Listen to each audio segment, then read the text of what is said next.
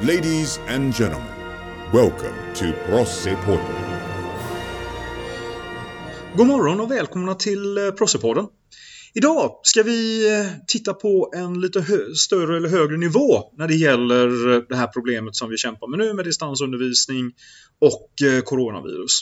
Och på en lite högre och större nivå så har vi Jimmy Rosengren, alltså vår skolchef på Procivitas. Hej Stefan! Hej! Kul att ha dig här. Vi har sett mycket av det här nu på sistone.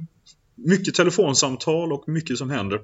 Så att, vad kan man säga? Hur jobbar egentligen, om man säger Procivitas-skolorna eller Academedia med det här liksom då, samhällsutmaningen som vi dras med nu? Ja, man kan väl säga att redan när, när eh, vi började få upp ögonen för att vi hade en situation som började uppstå så blev informationsspridning det viktigaste. Att Mm. sätta skolorna i situationer där man är väl underrättad, där man får stöd i hur man ska agera, där man säkerställer att alla utifrån, allt ifrån rektor ut till elever och vårdnadshavare får rätt information. Mm. Därefter så har vi ju nått längre i, i takt med att viruset har spridit sig.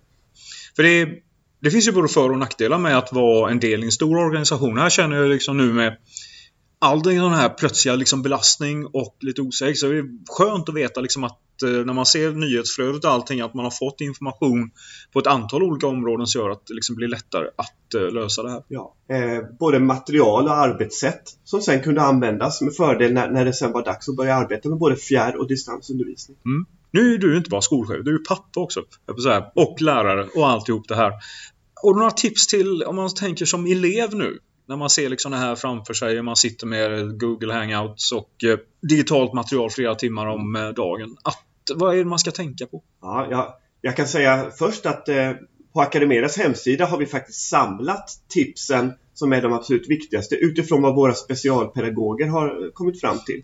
Men, men om jag skulle säga några av de absolut viktigaste så är det Ställ klockan så du kommer upp på morgonen.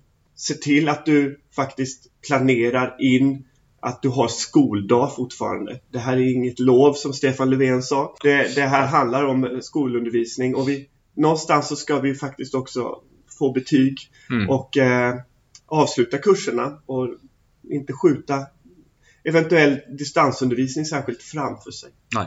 Det är helt rätt.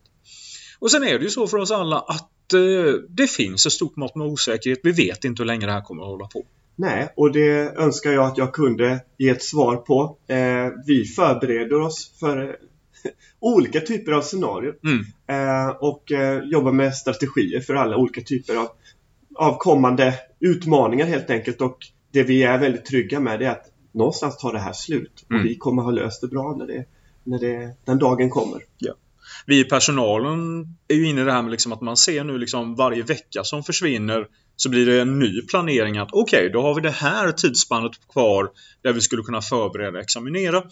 Och om den liksom då nästa vecka går åt också, då tänker man om igen. Ja. Ja. Och det är det sättet vi måste arbeta just nu. Och det är inte unikt för oss utan det, det är väl snarare ett, ett gott tecken att vi tänker vecka Mm. för vecka.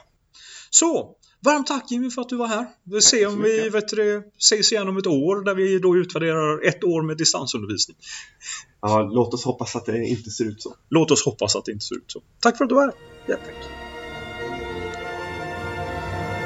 This has been another episode of Prossepodden.